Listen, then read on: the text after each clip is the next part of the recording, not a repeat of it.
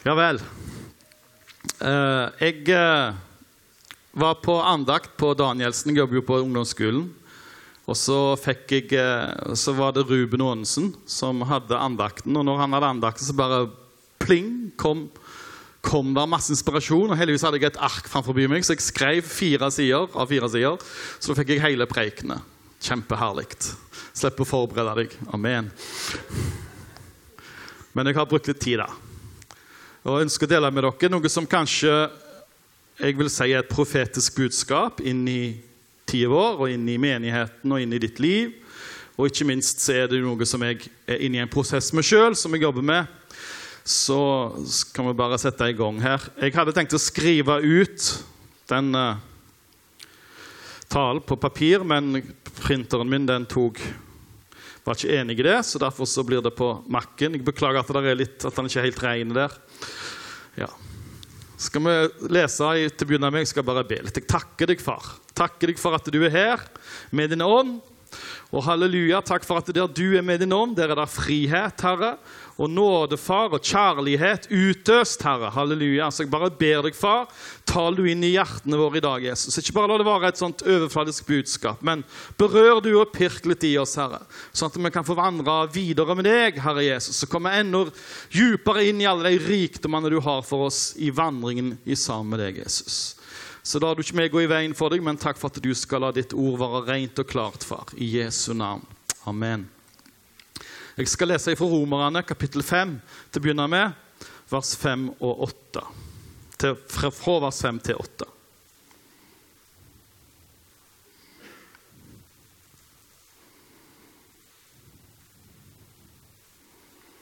Og håpet gjør ikke til skamme. For Kristi kjærlighet er blitt utøst i våre hjerter ved Den hellige ånd, som ble gitt oss. For da vi også så står det på der, for jeg ser nesten ikke. jeg. Det er helt tragisk. Jeg blir blind. Jeg trenger briller, men jeg er ikke fargeblind. Så står det da i vers 8 Vi leser der Men Gud viser sin kjærlighet til oss ved at Kristus døde for oss mens vi, vi enda var syndere. Så først så var det at Guds kjærlighet er utøst i våre hjerter ved Den hellige ånd. Eh, det er en detalj der som vi ikke må glemme. Der står Guds kjærlighet er utøst i våre hjerter ved Den hellige ånd. Det er snakk om en guddommelig kjærlighet som Gud har lagt ned i våre hjerter. Du kan si at han har lagt en kilde ned i oss med sin guddommelige kjærlighet, som han ikke liksom har noen begrensninger på, men som utøses av våre hjerter. Så det skal være en strøm av guddommelighet som strømmer ut av mitt og ditt liv, som er en kristen. Og det er det å bli født på ny, det å bli frelst, det å bli en kristen, handler om å bli forvandla.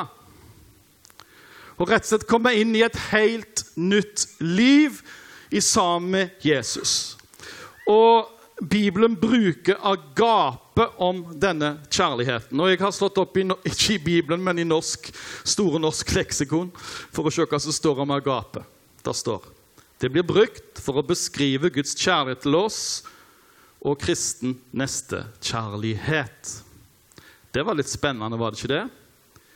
At de beskriver agapekjærligheten, altså den guddommelige kjærligheten som er gitt i våre hjerter. den den er faktisk da Den beskriver Guds kjærlighet til oss, mens òg beskriver han kristen nestekjærlighet. Så det, det, vi forstår at agapekjærligheten Da kommer Guds kjærlighet inn i oss, og så blir vi bare opplever vi Guds kjærlighet, og så opplever vi Hans nåde. altså Alt at det strømmer i oss, denne kjærligheten.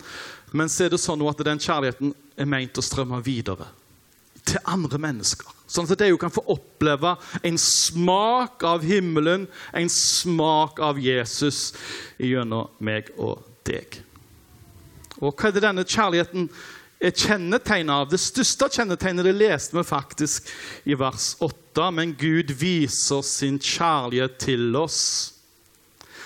ved at han døde for oss mens vi ennå var syndere.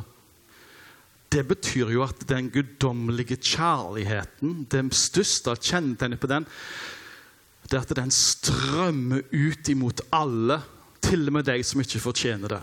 Og kanskje aller mest til deg som ikke fortjener det.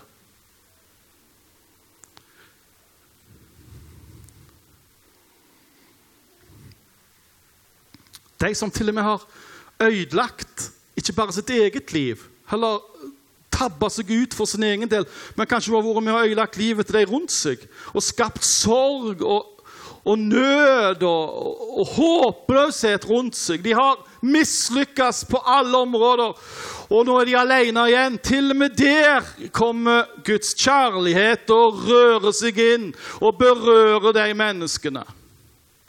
Og det er jo det da, sant, som kjennetegner Guds kjærlighet, at Jesus viste oss den kjærligheten på korset ved at han faktisk ofra seg sjøl for noen som overhodet ikke fortjente det. Det eneste de fortjente, det var straff og død.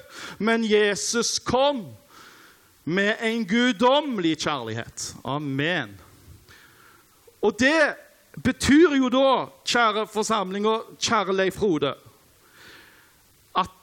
den kjærligheten som er utøst i mitt hjerte Den hellige ånd, det vil dra meg Dra meg imot deg som ikke har lykkes med livet. Det vil dra meg imot deg som er ensomme. Det vil dra meg imot deg som kanskje ingen andre bryr seg om. Det er det den kjærligheten skaper i oss, at vi plutselig legger merke til mennesker rundt oss som ikke har det så bra. Og det er ingen andre som aner det engang. Du kan sitte her så perfekt du vil. Og så er det plutselig noen som ser deg med Guds øyne, og så kjenner de bare at det skjer noe i hjertet mitt imot den personen. Og så kan du få lov til å oppleve et guddommelig møte med en person hvor kjærligheten driver deg, den som er inni deg, som Gud har utøst i hjertet ditt.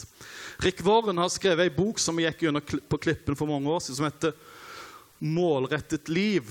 På den første sida inni boka der som står det 'Det handler ikke om deg'. Den guddommelige kjærligheten som er utøst i våre hjerter ved Den hellige ånd, gjør at det ikke lenger bare handler om Leif Frode. Det handler om de som er rundt meg, som har det tøft. Og Da tenker jeg på menigheten nå, for vi må gå videre til menighet. så må vi tenke, Hvem er det vi når med menigheten vår? Vinner vi de laveste på rangstien? Eller kun de som fremstår som vellykka. I min tid som pastor på Klippen for mange år siden så møtte jeg en lærer fra VR-skolen. Da hadde vi jo barnearbeid her, og det var masse unger. Så kom det en lærer bort til meg Leif Roding, vi får snakke litt med deg. For da hadde de en elev på skolen der som var et levende mareritt. Som skapte ufattelig masse utfordringer for skolen, og de visste ikke helt hvordan de skulle takle han. Men så vet ikke jeg om jeg hadde fulgt et barnebarn her eller vært på et sånt møte, eller et eller annet, men jeg hadde hørt at den gutten var med og styrte lyden på klippen. Satt som en engel bak der.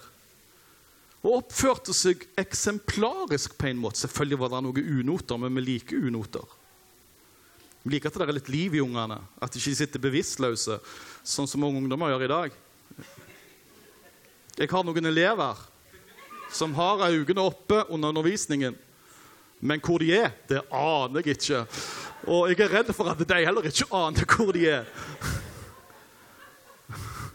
Men denne gutten, hva var det, tror du, han fant på klippen? Jeg er så sikker på at han fant noe som er Guds kjærlighet utøst i våre hjerter ved Den hellige ånd. Han merka at her var det noen som var glad i ham. Han kunne sikkert ikke klare å beskrive det helt, men her var det trygt. Og her var det noe rett og slett som ikke var lett å forstå engang, men som allikevel berørte han og gjorde at han faktisk trivdes her. En gutt som kanskje hadde det tøft. jeg vet ikke. Kanskje så var det kaos hjemme hjemme hans. Kanskje så var det så mye bråk og sjau og krangel og elendighet der han bodde, at når han kom her, så fikk han kanskje oppleve et annet guddommelig fantastisk, nemlig guddommelig fred. Kanskje den guddommelige freden var utest i noen av hjertene til lederne eller til noen av de andre ungene. Så var det noe som strømte ut, noe som ikke kan forklares. Men det var så godt å være her. For det var noe som han ikke kunne beskrive, men det var noe som gjorde at han ble roligere, og han fikk ro og fred inn i livet sitt. Og det er den guddommelige freden som virker sammen med kjærligheten. For når kjærlighet er utøst i våre hjerter, så er det ånden som virker. og Ånden kjører på, ikke bare med kjærlighet, men med fred. Eh, ja, Så kommer jeg tilbake til det. Vi må komme videre. Og det som jeg syns det er et uh, Hør nå. Unger er de beste på å skille det som er ekte, fra det som er uekte. Visste du det? Hvis du faker at du er glad i noen til en unge, så vil han gjennomskue deg. Ofte ikke gjennom én gang, men han vil til slutt gjennomskue deg som ikke er ekte. Unger merker hva som er ekte, og hvis Guds kjærlighet er utøst ved Den hellige ånd, så merker de det. Vet ikke om dere, Det var vekk ungdomsvekkelse på Klippen på slutten av 90-tallet. Vet ikke hvor gammel du var da, Stian, men ja, jeg var gammel da. Og da det er noe jeg aldri glemmer, det var at når vekkelsen skjedde og folk søkte forbønn, så var det mange småunger, fire-fem år gamle, som kom fram her sjøl og innvidde seg til Jesus. For de kjente at her er det noe guddommelig. Her er det noe som jeg må få tak i, så små fire-fem år. Ja. Jeg, jeg syns det er trist jeg, å tenke på at det på Vea så er det unger i denne stund som kanskje sitter alene. Mammen og pappen sover kanskje, eller kanskje ser ikke mammen der. Kanskje mammen er vekke. Pappen har gjerne aldri vært der. Er noen andre som tar seg av dem. Uh, du, jeg jobber jo på en ungdomsskole. Jeg må bare si at det blir bare mer og mer utfordringer for ungdommen. Og vi ser flere og flere ungdommer som har det vanskelig. Vi sier med på Daniel at det er ikke vanskelige barn og ungdom, men det er barn og ungdom som har det vanskelig. Og jeg må bare si at en sjelden gang så kommer de kanskje inn på klippet nå, på et eller annet arrangement, og så vil du aldri kunne se noe som helst av at de har det tøft. For det er det verste de vet, å bli avslørt. Men hvis du er fullt av Guds kjærlighet og Den hellige ånd virksom i livet ditt, så vil Gud på en eller annen måte dra deg inn imot de menneskene. Og så vil han gi deg et øye, så du kan se hva du kan gå inn og gjøre og bety for noen. Yes. Jeg kunne nå snakket om åndens frukt, som er kjærlighet, glede, fred, overbærenhet, vennlighet, godhet, trofasthet. Alle disse guddommelige kvaliteter som Den hellige ånd virker i mitt og ditt liv. Amen. Vennlighet. Tenk om de som kommer til deg, aldri, nesten aldri opplever vennlighet. De opplever bare å få harde ord, tøffe ord, ikke vant med at noen er snille med dem nesten i det hele tatt. Så kan de få møte en av meg og deg som er fullt av Den hellige ånd, og som kan være full av vennlighet, og som kan møte dem på en uvanlig måte som de ikke fortjener. Eh, lever vi ved Ånden, så la oss òg vandre ved Ånden. Amen. Ok. Jeg skal kunne gått inn på det, jeg skal ikke det, jeg skal hoppe videre. For jeg har lyst til å lese litt i Apostlenes gjerninger, noe som Gud viste meg nå seint, ikke så lenge siden. Ti minutter siden. Nei da, det var ikke så gale. Apostlenes gjerning, kapittel 6. Fra vers 1. Klaus, kan du komme og lese det til meg? Jeg har tatt feil bibel med meg. Jeg ser ikke. Og så er jeg for stolt til å finne, Jeg er ikke for stolt til å ha briller, men jeg finner de aldri. Dette er jo ikke norsk engang. Nei. I de dager da tallet på disiplene stadig økte, kom det opp en anklage mot hebreerne fra de gresktalende jøder, fordi enkene deres ble forsømt ved den daglige utdelingen. Da kalte de tolv sammen hele disippelskaren og sa:" Det er ikke tilrådelig at vi skal forlate Guds ord og tjene ved bordene. Derfor, brødre, skal dere ta ut sju menn blant dere. Menn som har godt vitnesbyrd, som er fulle av Den hellige ånd og visdom, og som vi kan utpeke til den oppgaven. Tusen takk, Klaus. Du trenger en, en forsterkning på én, ser jeg. På briller. Eh, Det, vi ser jo ofte litt negativt på denne teksten. Eh, Men plutselig så, vi, så ble jeg litt, syntes jeg det var positivt. At de faktisk hadde en utfordring. De var så engasjert med å hjelpe mennesker at det faktisk ble så mye at det ble rett og slett for mye av det gode. For et luksusproblem at menigheten er i funksjon og gjør det godt, og det blir så mange som blir hjulpet at det blir mest litt krangling her. Og så er det så mange som er i funksjon med å hjelpe mennesker.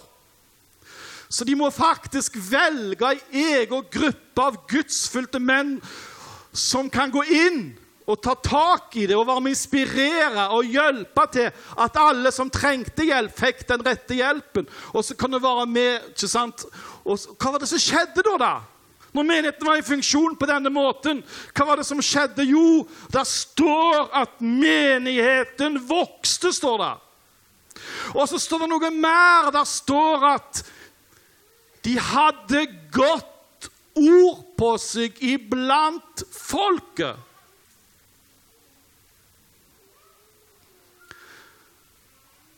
Det med den beste medisin imot negativt preik om menigheten, Klippen og andre menigheter, vet du hva det er?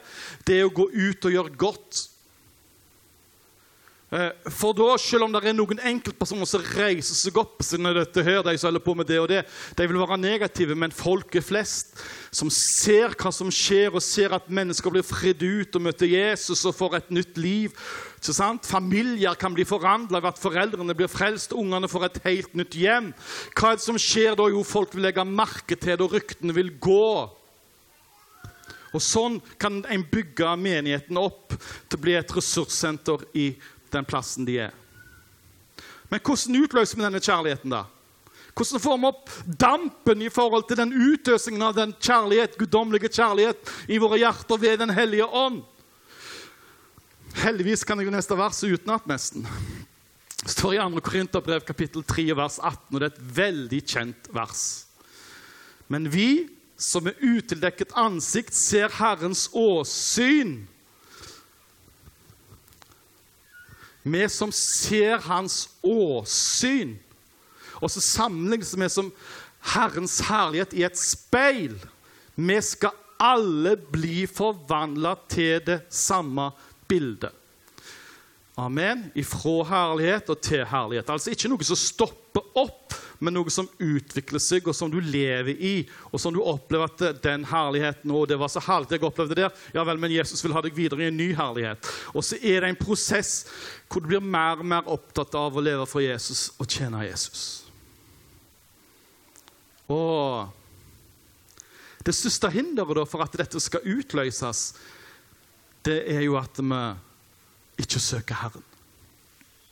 Og så er det litt tøft å si igjen, Leif Frode, men hemmeligheten ligger i at jeg må prioritere Jesus. Og der ligger åndskampen i vår tid.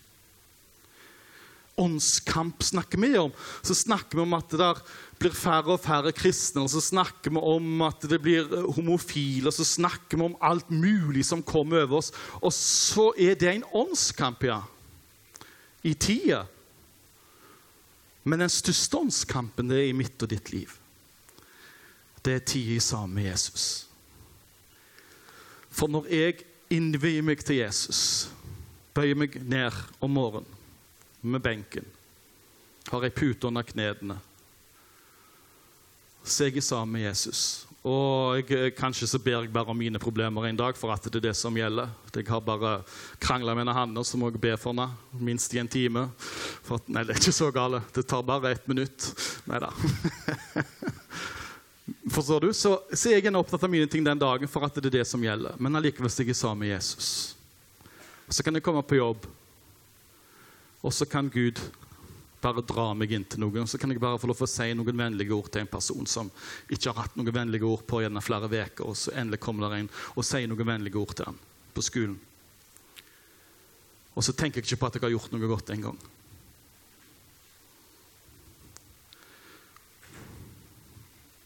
Jeg må være ærlig god.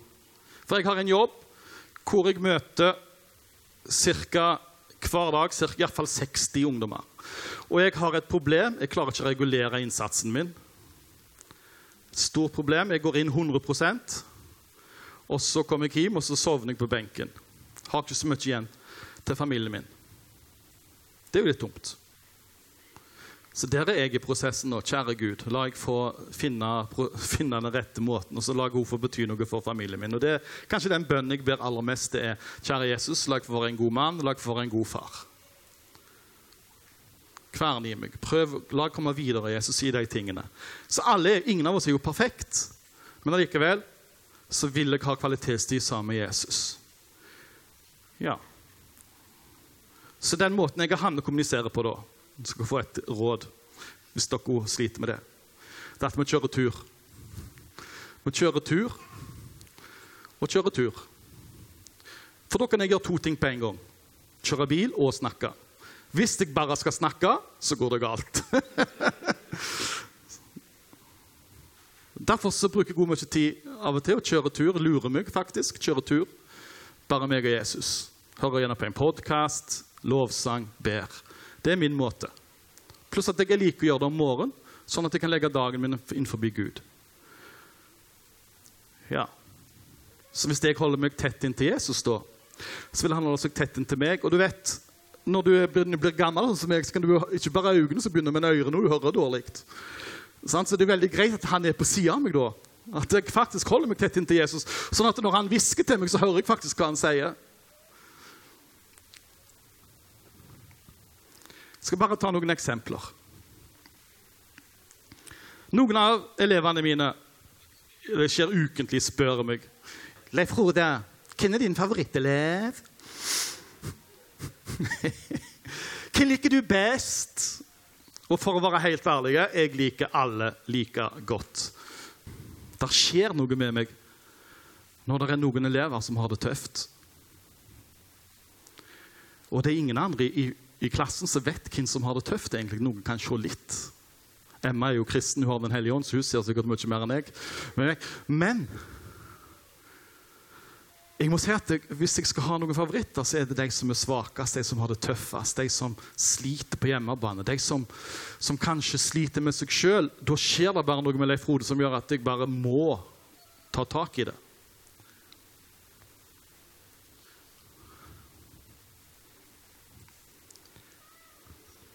Og mange ganger har jeg opplevd Bare denne veka så opplever jeg at Gud taler til meg. Gå bort til den eleven, Leif Frode. Spør om det og det. Gå bort til den eleven og så bare gi dem en sånn klem som ikke ser ut som en klem. Bare at de har litt kontakt. Bitte litt fysisk kontakt. Oss er det nok for mange. Og så har jeg bare ta noen eksempler videre nå. Bare så dere forstår at Når du vandrer tett med Jesus og blir fulgt av hans kjærlighet til Den hellige ånd virksom, så begynner det å skje ting at Gud taler til deg, og du kan høre stemmen hans. Så for ei tid tilbake, ei god stund siden, så var jeg på et møte. Sånn som her. Satt trøtt og sliten bak der. Var rett før de tok bilde av meg for at jeg sovna. Og så på slutten varte Møtet varte i fire og en halv time, så det er forståelig. Eh, på slutten av møtet så var det innvielse.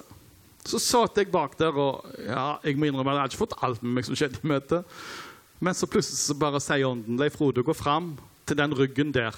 Jeg så bare en rygg, og så sier du Det er ingen vei tilbake. Ja vel, hvorfor skal jeg det? Men jeg gjorde det. Jeg gikk fram bak en rygg. Jeg sa Det er ingen vei tilbake. OK. Så gikk jeg tilbake. Han så ikke hvem jeg var. Og jeg brydde meg ikke heller, for det var jo litt flaut. for å tenke om jeg sa noe dumt. Og så vet du hva, så var jeg på en samling på bibelskole på Smyrna en god stund etterpå. Det er jo ikke bibelskole lenger, så det er en stund siden. Og så begynner han å vitne om livet sitt. Han hadde en steingod jobb på Østlandet. En lederjobb som gav han masse, og som betydde masse for han. Men nå begynte Gud å kalle på han i forhold til han, at han skulle gå videre og begynne å forkynne ordet. Og så står han så tenker han Skal jeg gå tilbake, eller skal jeg gå fram? Og akkurat når han har tenkt å si så kommer det en stemme bak ryggen min som sier det er ingen vei tilbake. OK, sa han. Jeg tok hintet. Amen. Var ikke det kult? Du eh, Hei. Kjempebra. Og nå, forrige uke, så talte Gud til meg. Hørte jeg bare en liten andakt på YouTube om en lokale fyr. Og nå har Gud sagt at jeg må gå til han og si du, der er ingen vei tilbake. Amen. Jeg gleder meg. Skal prøve å få tak i han denne veka. Sånt er det spennende å leve som kristen når du kommer inn i en sånn guddommelig ting, hvor Gud kan begynne å bruke deg i hverdagene dine.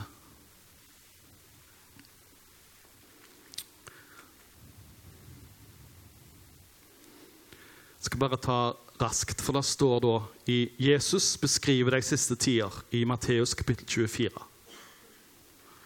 Og da sier han bare, annet om de siste tider, som jeg tror vi lever i. Lovløsheten skal ta overhånd, og kjærligheten skal bli kald hos de fleste. Det kan være mange ting som gjør at kjærligheten blir kald. Og mange ganger så tenker jeg når jeg hører noen vitnesbyrd, at jeg forstår jeg at du ble kald. Jeg forstår jeg at du fikk en vanvittig trøffe opplevelse her som gjør at du faktisk er blitt kald, og ikke elsker Jesus sånn som du gjorde før. Men det står her at han skal bli ikke de fleste. Det er jo alvorlig. Vi vil vel ikke være blant de fleste, vi vil være blant de som fortsatt har denne guddommelige kjærligheten og merker at det pulserer av guddommelig liv på innsida. Og hvor vi får oppleve i dagene var at vi får bety noe for mennesker og tjene Jesus gjennom å tjene mennesker. Så det personlige forholdet mitt til Jesus, der står kampen. Hvis jeg klarer å holde meg tett inntil Jesus i bønn og i Bibel, så vil jeg faktisk oppleve at det, den kilden som er på innsiden, ikke blir lukka, men det strømmer ut. Amen. Og så merker du gjerne ikke alltid at du er, er i den strømmen en gang. Men nå skal jeg slutte av. Klippen er en fantastisk forsamling. Bygd på bønn og på mennesker som har levd i Guds nærvær. Og, og hvis vi kikker historisk sett, så har Klippen vært veldig flink, syns jeg, til spesielt én ting. Flink til å sette i gang aktiviteter som når de som er utenfor. Tenk på Royal Rangers. Tenk hva Royal Rangers betydde for masse unger her i bygda. Og mange av de ungene mange av de ungene hadde ikke gått der uten Royal Rangers. Og jeg er sikker på at det er mange som har møtt Jesus gjennom det arbeidet. Fått smaken på Gud gjennom alle de lederne. Tenk den voksenkontakten alle fikk på Royal Rangers. Det var så mange ledere som var med og gav av seg selv inn i livet til disse ungene her. Jeg kunne, vi kan fortsette med, med Grauten. Tenk hva Grauten betydde i sin tid i forhold til å åpne menigheten her i forhold til mennesker. Og Vet du at det var mange som aldri betalte for grauten? Vet du det? Og så kunne vi stå litt irritert. I dag kom det bare inn 750 kroner. Men flere av de som kom der og åt graut, spesielt mange unger, hadde ikke penger. Foreldrene hadde ikke råd heller. Det var jo et fristed for mange å komme her og ete gratis uten å ha dette kravet om at du skulle betale for noe. Er du klar over at det er det som er Guds kjærlighet utøst til vårt hjerte ved Den hellige ånd? At vi rekker ut hånden til de som ingenting har, og så drar vi de inn til oss. Amen. Så skal vi gå videre. Vi er over 60. Dere tenker ikke på det, av dere som er unge, men jeg, har, jeg, jeg, må si at jeg har hørt Jeg har vært rundt og snakket med litt eldre folk. Blant annet så hadde jeg noen begravelser. og da Vet du hva? Vet du at det er mange som har tatt imot Jesus på Vi over 60? På slutten av livet så har de fått lov til å komme der i et hyggelig lag med hyggelige mennesker. Fått god mat, godt stell. Og du har, kan, har kanskje irritert oss over noen av de òg, som tar seg til rette og slenger innpå og eter alt de er gode for. Ja vel, kanskje så er det det beste måltidet de har den uka. Hva vet vi? Kanskje ikke i stand til mange av de å lage seg skikkelig mat selv. Jeg vet ikke, men forstår du? Vi åpner opp, og så får vi inn de som kanskje trenger det mest. Og der må vi som menigheter være. Vi må ikke bare tenke på oss sjøl, men en menighet vil rekke ut håndene. Hva kan vi gjøre? Hva kan vi gjøre?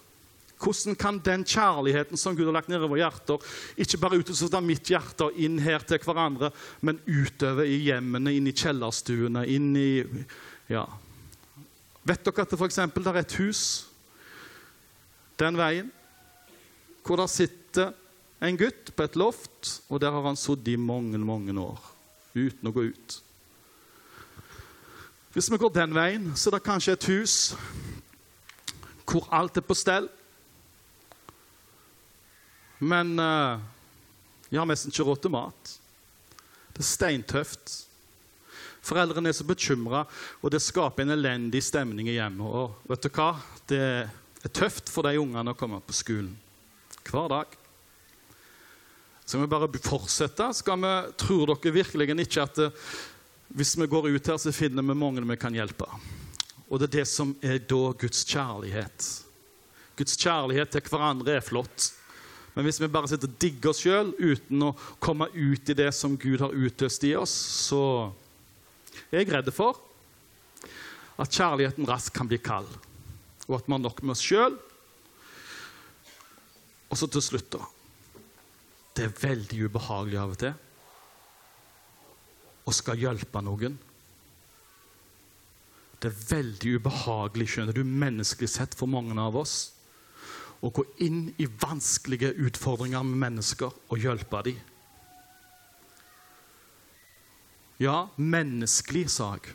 Det er menneskelig å ta avstand fra mennesker som har det tøft. Det er menneskelig for meg og deg å ta vare på det vi sjøl har, og beskytte det.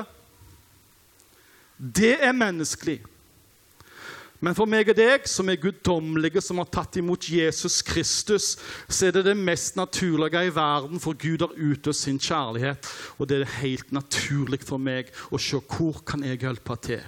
Hvordan kan jeg bidra her? Jesus åpna øynene mine, så jeg kan se noen som jeg kan hjelpe.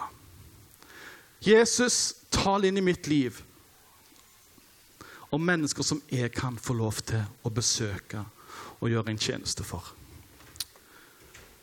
Så Denne veka som kommer, så har jeg fått to oppdrag av Jesus. Jeg skal snakke med en mann som må komme seg ut i tjeneste og begynne å forkynne evangeliet. Og så skal jeg snakke med en forelder som har en unge som blir sett på som den største rampen av alle. Men så har jeg heldigvis opplevd en kjempepositiv ting i sammen med det barnet, så nå skal jeg gå til foreldrene og skryte av den ungen. Gi noen vennlige ord. Og det er litt flaut, for jeg har gjort det før. Og det som skjer, er at de begynner å grine. Foreldrene begynner å grine, og det er litt flaut for meg. da. For da begynner jeg òg å grine av og til. Og det er ikke kjekt, for jeg er en voksen mann som aldri har grenet i hele mitt liv, men nå begynner jeg å tute for alt mulig. Sikkert et tegn på at jeg blir gammel. Men Gud velsigne dere til å gripe tak i det livet som er guddommelig for deg, og som du kan gå inn i hver dag. Og jeg lover deg, når du får smaken på det å oppleve at Gud bruker deg imot andre mennesker, så vil det være ingen vei tilbake for deg heller. Da vil du bare søke etter nye muligheter for å gi videre det du har fått. Amen.